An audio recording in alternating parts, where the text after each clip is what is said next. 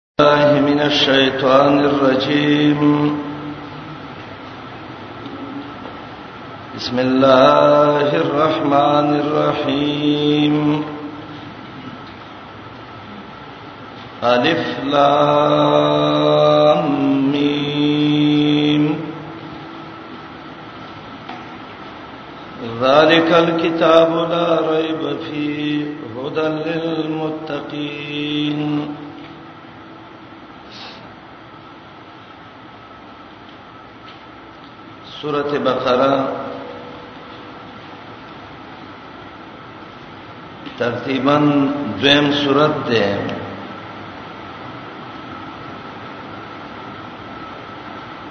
او په نزول کې واقعیم صورت ده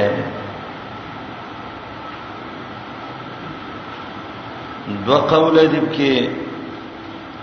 یو قول دا ده چې دا د سورته عنکبوت نه رسته نازل ده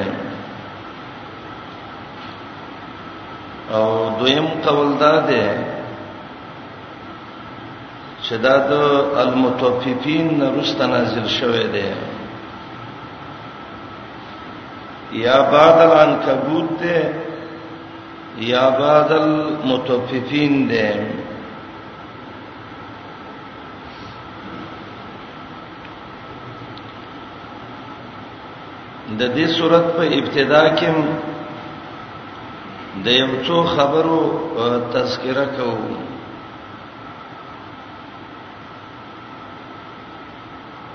اولنې خبره اسماء هذه السوره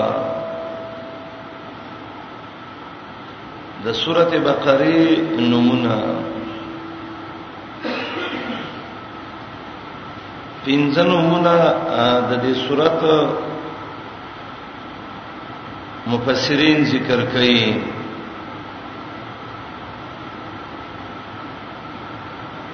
اولانې نوم سورۃ البقره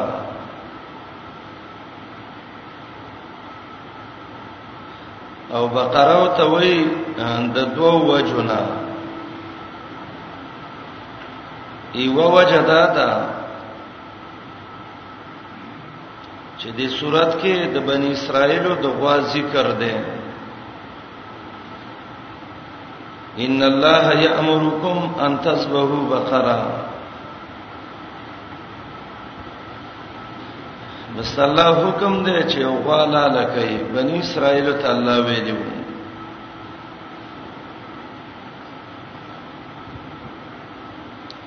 دویمه وجه ابن قتيبه په مشکل القرآن کې ذکر کړی دا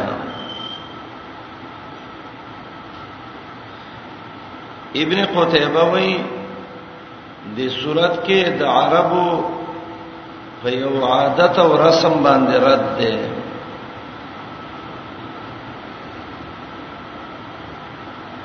هغه رسم او عادت د عربو داو چکلا باران بنه کېده نو دای بلال غرونو ته به وختل او الته د غیا یو بوټي او چغه ته صلع ویل صلع دا صلع غیا به راوړ او د یو غوا په لکې پسې به وتړل او هغه ته به ور واچو غیابم وسولا د غواله کوي به وسولا غوا برمباړ وکړه دای په ویلې وس باران کیږي غوا الله ته چغه وکړه باران وس کیږي الله په دې صورت کې رات کوي وانزل من السماء ماء بارانونه ورون کې الله دې نغواده او نسل عغیا ده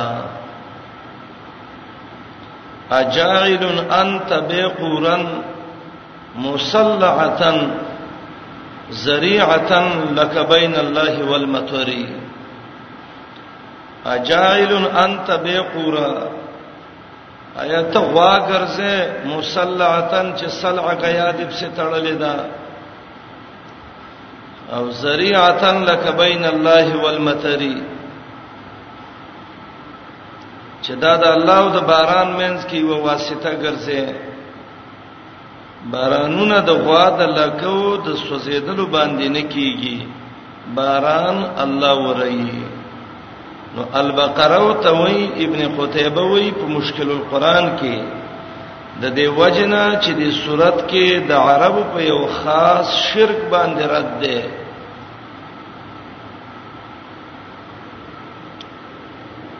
دویم نوم د دې سورته ده فوستات القرآن سورته فوستات القرآن فوستات عربی کې هغه غټي خیمه ته وایي یو وړه خیمه ده یو لوی خیمه د اکثر د اسکولونو له غټه خیمه به ودرولې وي د ته عربی کې پوستات ویل کیږي او دا صورتم پشان د غټي خیمه ده چې د قران ډیر مزامین را جمع کړي دي عقاید پکې دي اعمال پکې دي معاملات پکې دي قصص پکې دي اوامر پکې دي نواهی پکې دي اخبارات پکې دي لکه څنګه چې غټه خیمه کې ډیر شیونه راجمع کیږي نو دې سورته هم ډېر مزامین د قران را جمع کړي دي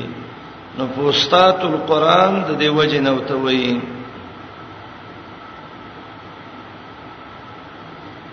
دریم نوم ده د دې سورته سلام القرآن سلام القرآن سلام په عربی کې د وخ کوفته وایي او د وخ کو پټول بدن د وخ باندې اوچتی نو سورته بقره ته سلام وای زکه دا د قران په ټولو سوراتونو کې یو غټ او چت سورات ده لکل شین سلام و سلام القرآن البقره د هر شي یو کوپی او د قران کوپ چې ده نو هغه سورته بقره ده مسند احمد کې دا روایت راځي البقره سنام القرآن سورته بقره د قران کوپ ده د قران سنام ده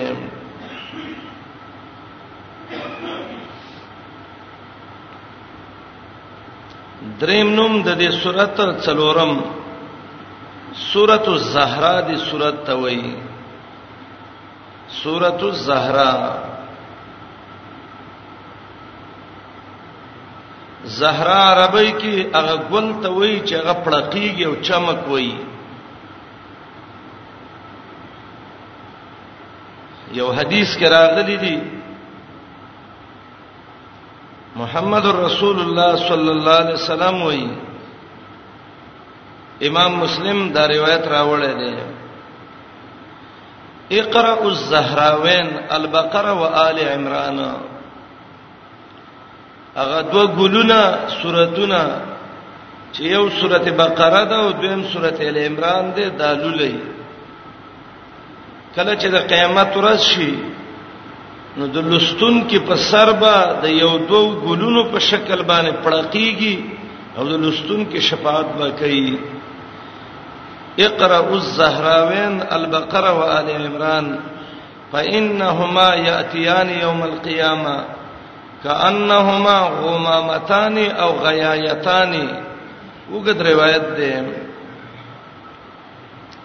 نو څلورم نوم د دې سورته ده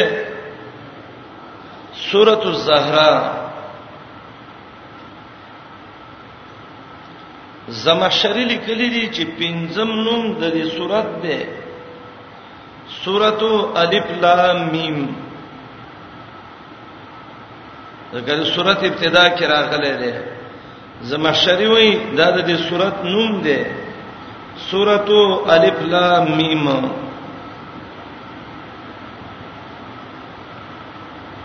دا پنځه نمونه د دې صورت دی بقره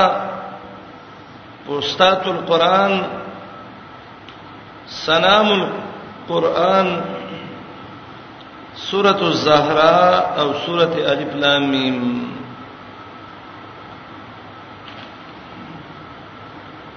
د سورته بقره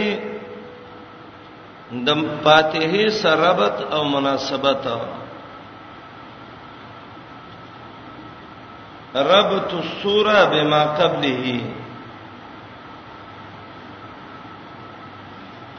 د سورته فاتحه او د بقره مناسبت چې دا بقره او فاتحه ولې دواړه د سي متصل ذکر کړ په یو ځای باندې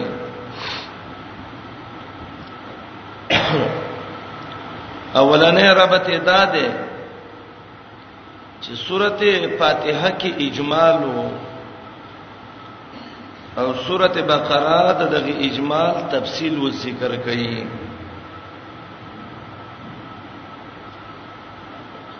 نو فاتحه اجمال ده بقره ده تفصیل ده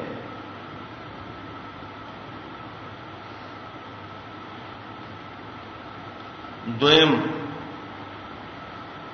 فاتحه کې درې جماعتونه درې ډلې ذکر شوې اجمالاً منعوم علیهم یوم مغصوب علیهم دوا ظالم درې سورته بقره کې تفصیل ذکر کړي د منعوم علیهم پنځه صفاتونه او دویم نوم ول ذکر کړي چې دا المتقین دي مؤمنان دي د کافرو درې قباحتونه دنیوي او اخروی جزاء د منافقانو پنځلس قباحتونه دنیوي او اخروی جزاء نو مخکې درې پریقي اجمالاً ذکر شوې دلته درې پریقه اوس تفصیلاً ذکر کړي دریم سورته فاتحه کې د الله صفات ذکر کا چې الله رب العالمین دې د مخلوق تربيت کوي سورته بقره کې صفات د رب ذکر کوي یا ایها الناس اعبدوا ربکم الذی خلقکم خلقت رب بندگی وکړي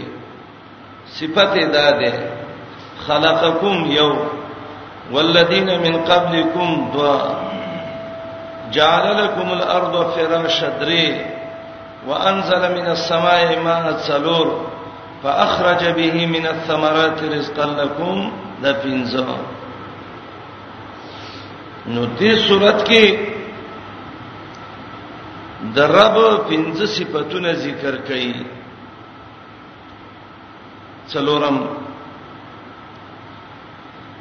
مخکې صورت کې ویلې الله مالک یوم الدین دی مالک دی د ورځې د قیامت او د جزا بقره کې د دې اثبات ذکر کړي الله د قیامت څنګه مالک دی واتقوا یوما لا تجزی نفس عن نفس او بنی اسرائیل باندې دنیوي عذابونه ذکر کوي دا سورته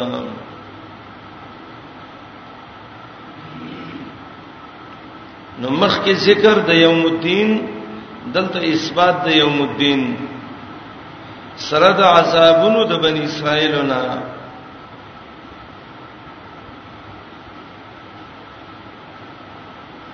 پینځم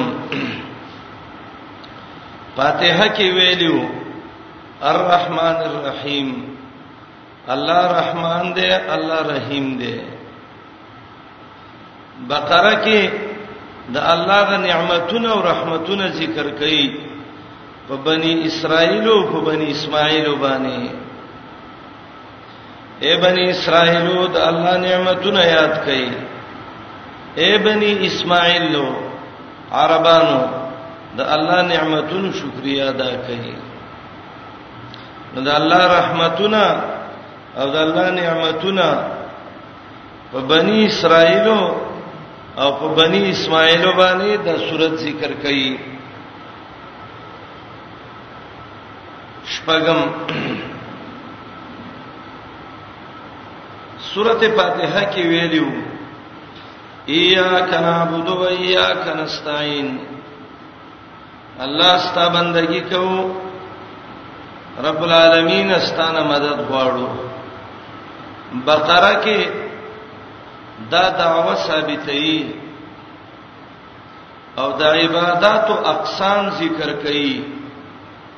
صلات صوم زکات حج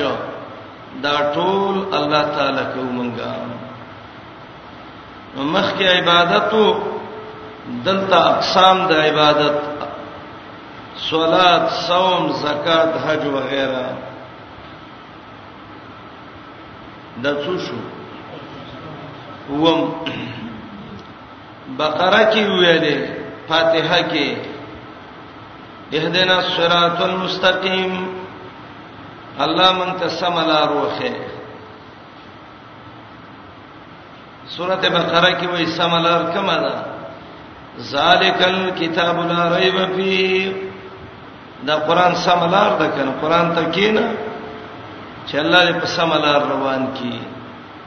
وای الله ته موږ په سملار روان کې بس قران ته کې نه چې په سملار روان شي ذالک الكتاب دا صراط مستقیم دی کنه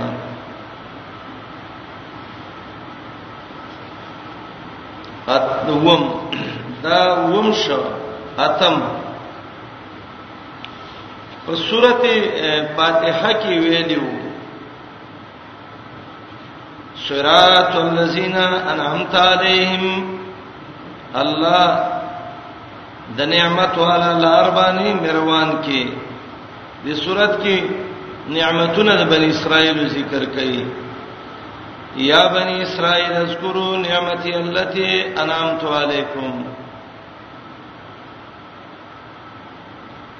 دا څو شو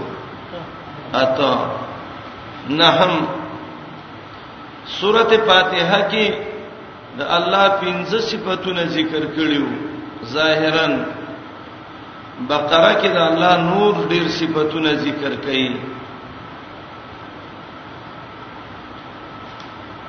لسم ربط اسمی ده فاتحه کې ویلو ایاک نعبد الله ستا بندگی کو الی بقره کې وای ولا نعبد البقر کما عبدها اليهود الله د غوا بندگی نه کو لکه يهودو چې څنګه بندگی کړي دا تلک عشرتن کامله دا لسربتنا د سورته فاتحه او د البخری دی دعو السوره د دې سورته دعوه دعوه دا معنا چې په سورته بقره کې لوی کومه خبره بیانېږي نو د اجمالی یاد کړي کڅوګ د ته وای چې بقره وګدا وګت صورت ده د کڅه مضمون بیانېږي نو تا به یاد کړي د صورت داوا ده اثبات المزامین الاربعه څلور مضمونه دا صورت بیانې اول توحید دویم رسالت دریم جهاد څلورم انفاق فی سبیل الله دا څلور مزامین دا صورت بیانې اثبات المزامین الاربعه څلور مزامین بیانې توحید رسالت جهاد انفاق په سبیل الله ترتیب یې د څه دی د اولنا تر قل من کان عدوا لجبريل پورې غالبا شپږ نوې آیات ده مضمون د توحید ذکر کړي د قل من کان عدوا لجبريل نا تر ليس البر پورې غالبا یو سل شپږوي آیات ده د کې مضمون د رسالت د محمد رسول الله ذکر کړي د لیسل بر نرستا 200 او 55 تقریبا د آیت الکرسی نامخ کې یا ایه الذین آمنو انفقوا مما رزقناکم مضمون د جهاد په سبیل الله او دا هغه نه رسته اخر پورې مضمون د رسالت ویم د انفاق په سبیل الله څلور مزامین توحید رسالت جهاد انفاق په سبیل الله رب ته داده عقیده د ایا کنعبدو برابر کا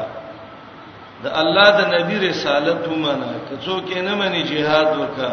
jihad وکې پیسې بلګې دا څلور مزامین سورته بقره تفصیلا ثابتې بیا یو اوري د اولنا قل من کان عدوا لجبريل شپږ نوي پورې مضمون د توحید دی د قل من کان عدوا لجبريل نه تر لسل بر پوری یو سل شپږه بیا پوری تقریبا مضمون د رسالت د محمد رسول الله اغه نه شبهه چې شوی وي داغه جوابونه او د لسل بر نه تر یا ایه الذین آمنو انفقوا مما رزقناکم آیت الکرسی نه مخکې د آیات غالبا 255 ته کړه تقریبا راځي نو مضمون د جهاد په سبیل الله ذکر کړي او دا ځین اخر پورې به مضمون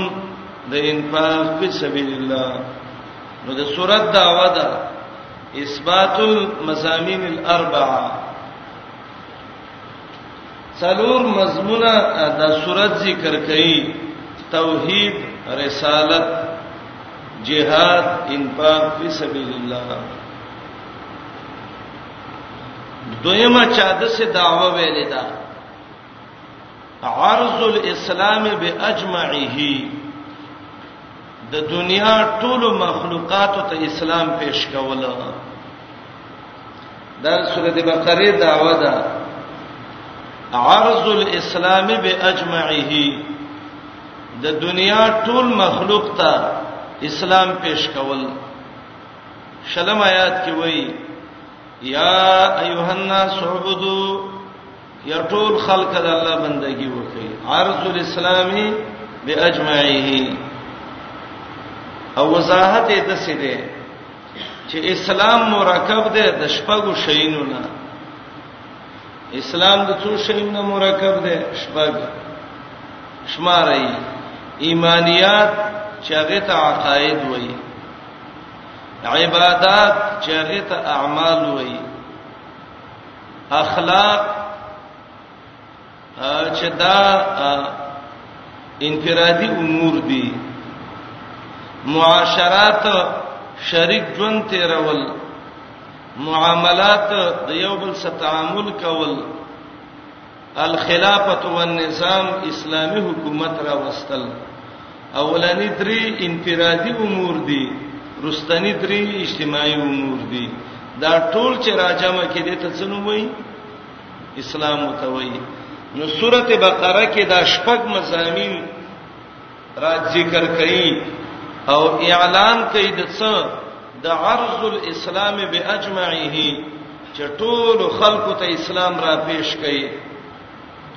اسلام مرکب دی د شپږو شینو نه ایمانیات وی وی ایمانیات عقاید دی ته وی عبادت دته اعمال وای اخلاق دا درې واړه انفرادي امور دي عقیده صحیح کا عمل برابر کا خي اخلاق برابر کا به درې امور چې غي اجتماعي امور دي معاشرات شریک ژوند به څنګه تیرې معاملات د یو بل سره کاروبار څنګه الخلاف او النظام اسلامی حاکم به څنګه راولي دا درې واړه اجتماعي امور دي نو چا ویل دي چې د صورت دعوه ده عرض الاسلامي باجمعه عرض الاسلامي باجمعه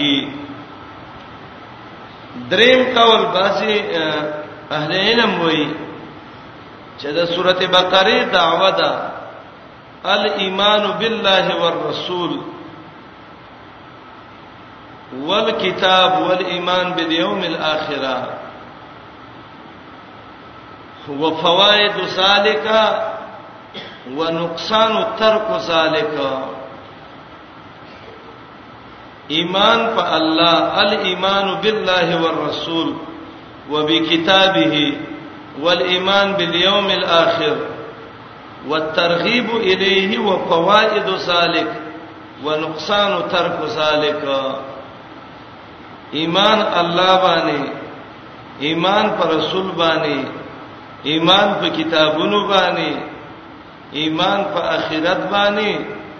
دی امور ته ترغیب او د دې پیدې او چې څوک دا پریدي نو داغه نقصان او داغه ضررونه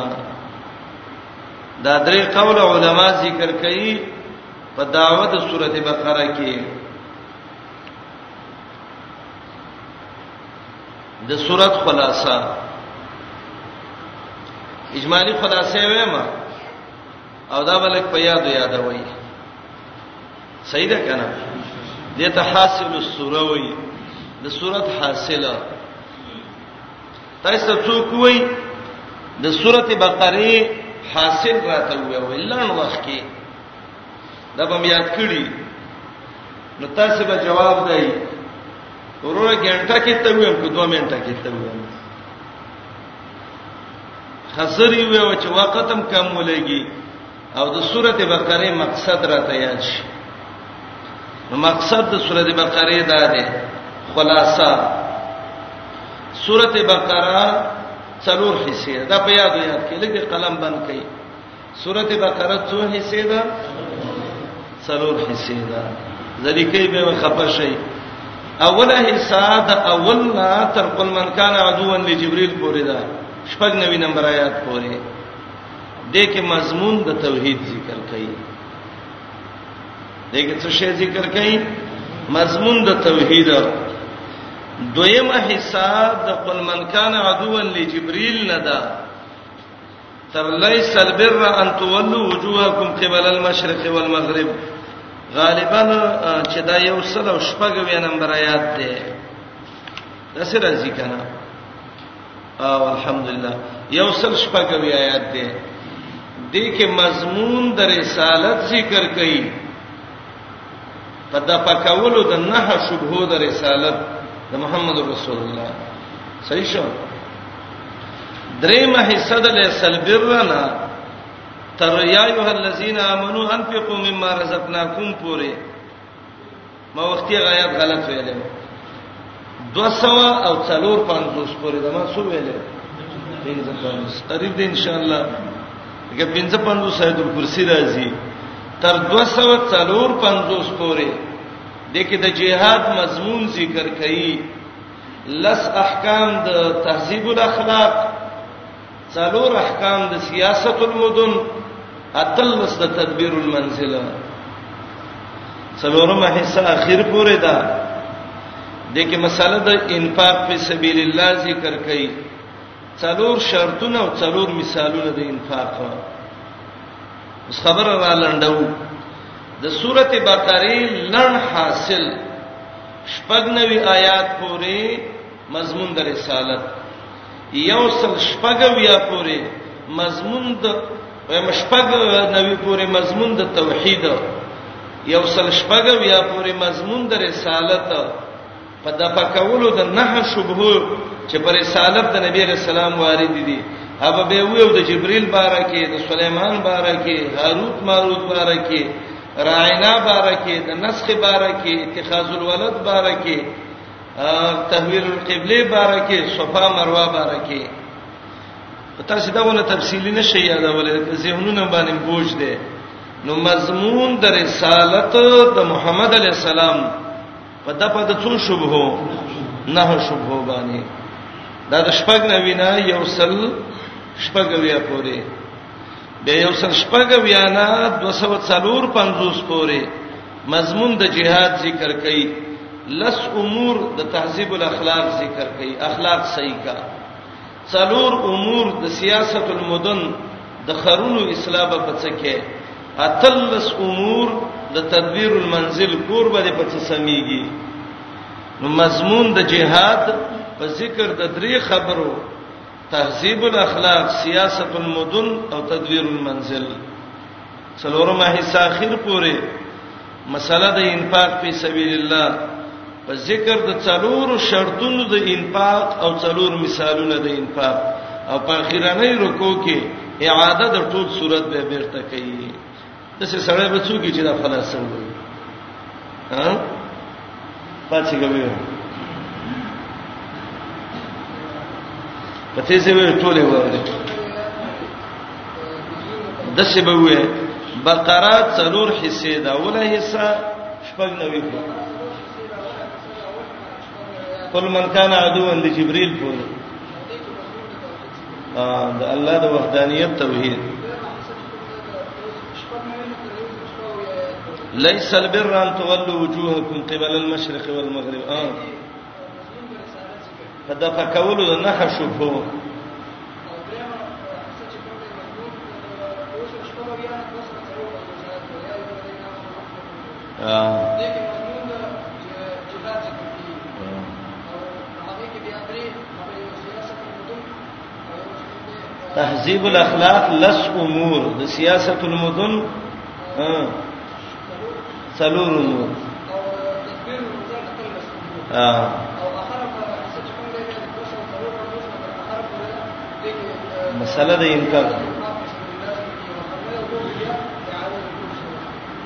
په مسله د انفاق په ذکر د څلور شرطونو د انفاق او څلور مثالونو د منفقینو او اخر کې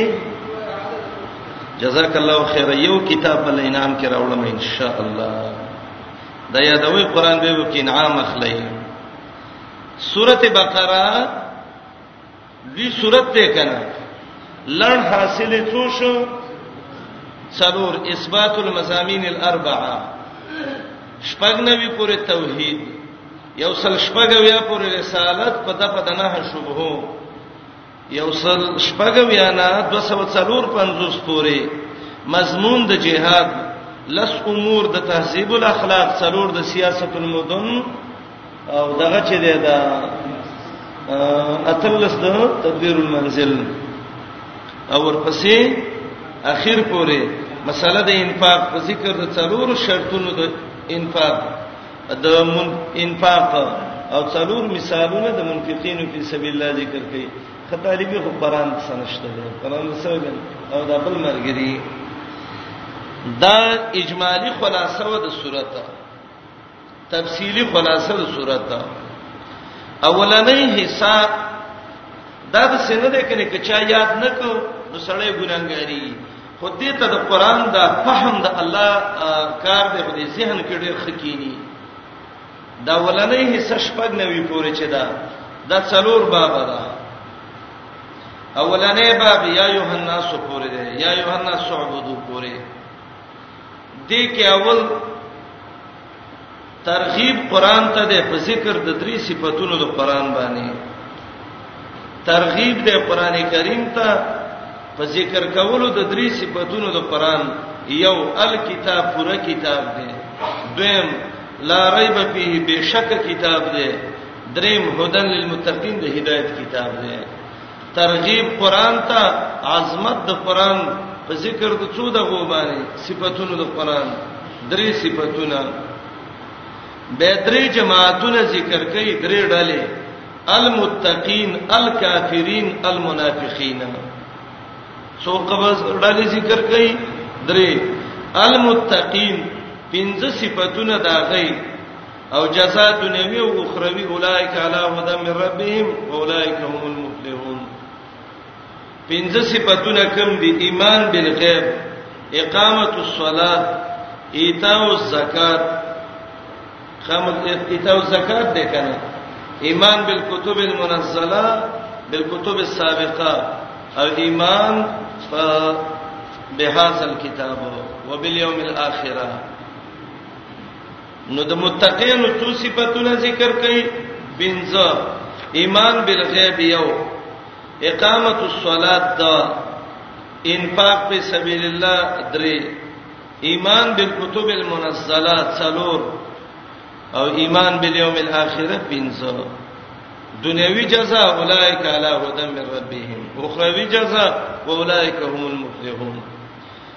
به دویم جماعت ذکر کړي چې هغه سوچا کافر دي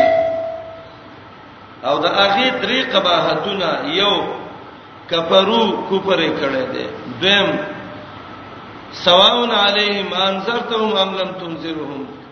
ستای انذار او نه انذار دا فائدہ نه ورکي یو شی دی او دریم لا یؤمنون ایمان پکې نشته دنیوي جزاء ختم الله علی قلوبهم اخروی جزاء ولهم عذاب عظیم به دریم جماعت چې منافقان دي چې دا غو رسیدانو په جاندل ډیر ګران دي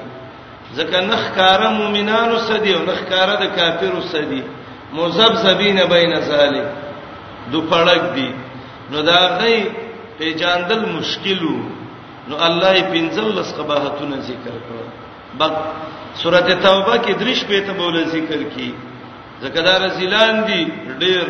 رسالت ډېر دی په جاندل د دې څه دي ډېر ګران دي او دا غي نه بعد دنیوي او اخروی جزا به ول ذکر کی او درې مثالونه مثالونه په اخر کې ذکر کی یو مثال مثلهم کمثل الذي استوقد نارا دا یو مثال دویم مثال او کصیب من السماء او دریم مثال یکاد البرق یخطف ابصارهم درې مثالونه اخر کې نو س د باب خلاصہ اولنې حصہ څو باب ده څلور اولنې باب شلم آیات پورې ده ترغیب قران ته په ذکر د درې صفاتونو د قران درې ډلې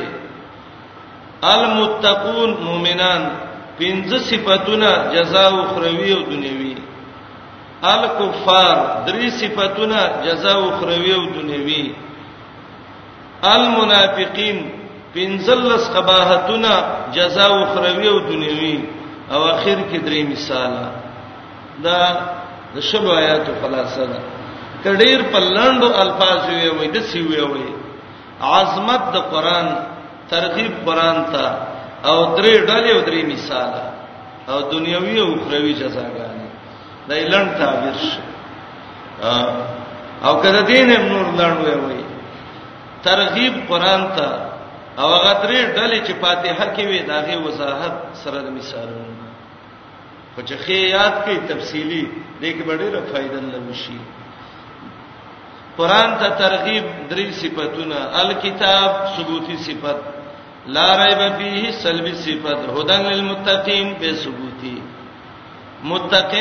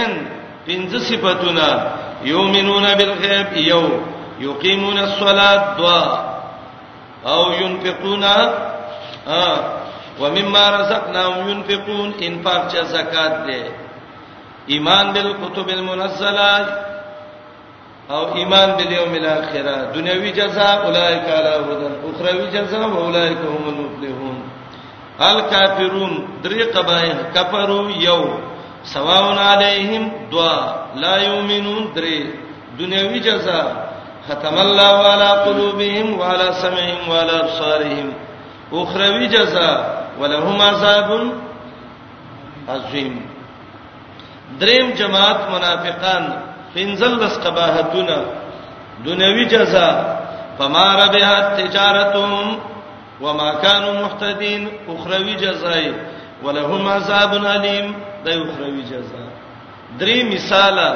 ناری مثال د ور مثلهم کمثل الذي استوقد نارا مای مثال د اوبو او کسویب من السما یا دو مثال یا د منافق عملی او اعتقادی فرق نو برقی مثال یکاد البرق یخطف ابصارهم اخر کې د الله توحید ان الله على كل شيء قدير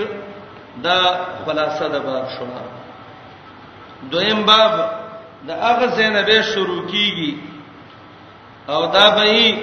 نه حدیث آیات پورې او دا به ان شاء الله په خپل زبان دی الته ویو دا د سورۃ تفصیلی خلاصہ سورۃ څلور حصے اوله حصہ شپږ نوي پورې دا څو بابا مضمون د توحید څلور بابونه دي کې اولنې باب یوش آیات پورې او په دې کې دغه مزامین کم چې موږ مخکې ویلې د سورته بقره امتیازات کم امور دي چې دا صورت ممتاز ده د هغه په وجبانی د نورو صورتونو نه یو امتیاز د صورت دا ده چې بقره هغه صورت ده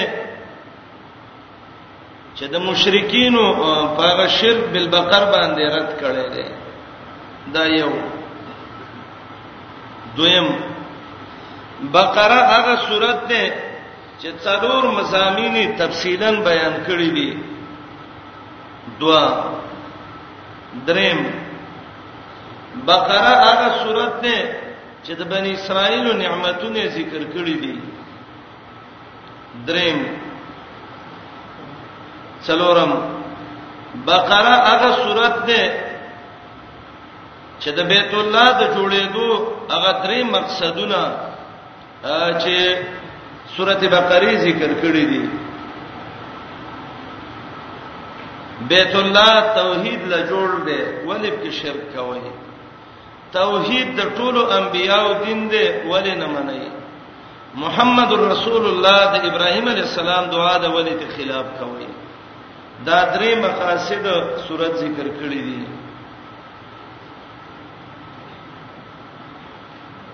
څلور ندري دغه آیاتونو کې دارنګي سورته بقره هغه سورته ده چې د محمد علی السلام پر رسالت د نه شبهه جواب کړي ده سورته بقره هغه سورته ده چې د تهذیب الاخلاق سیاست المدن تدبیر المنزل احکام ذکر کړی دي بقری امتیاز دا ده چې د آیت الکرسی غونته آیات سورته بقره کې ده د بقری امتیاز دا ده چې د قران اخیرانه نازل شوه آیات د سورته کې ده واتقوا یوما ترجعون فيه الى الله بقره هغه سورته ده چې امام ابن کثیر وایي زر پکې اوامر دي زر پکې نواهی دي زر پکې اخبار دي او زر پکې احکام دي څلور زر مسائل سورته بقره کې دي د دین هم ډیر وغیرہ کده سه شماري نو د بقره بشمار امتیازات دي فضائل سوره البقره د سوره بقره فضیلتونه السلام علیکم تعال کولو پخپلو دعا غانا حتا ته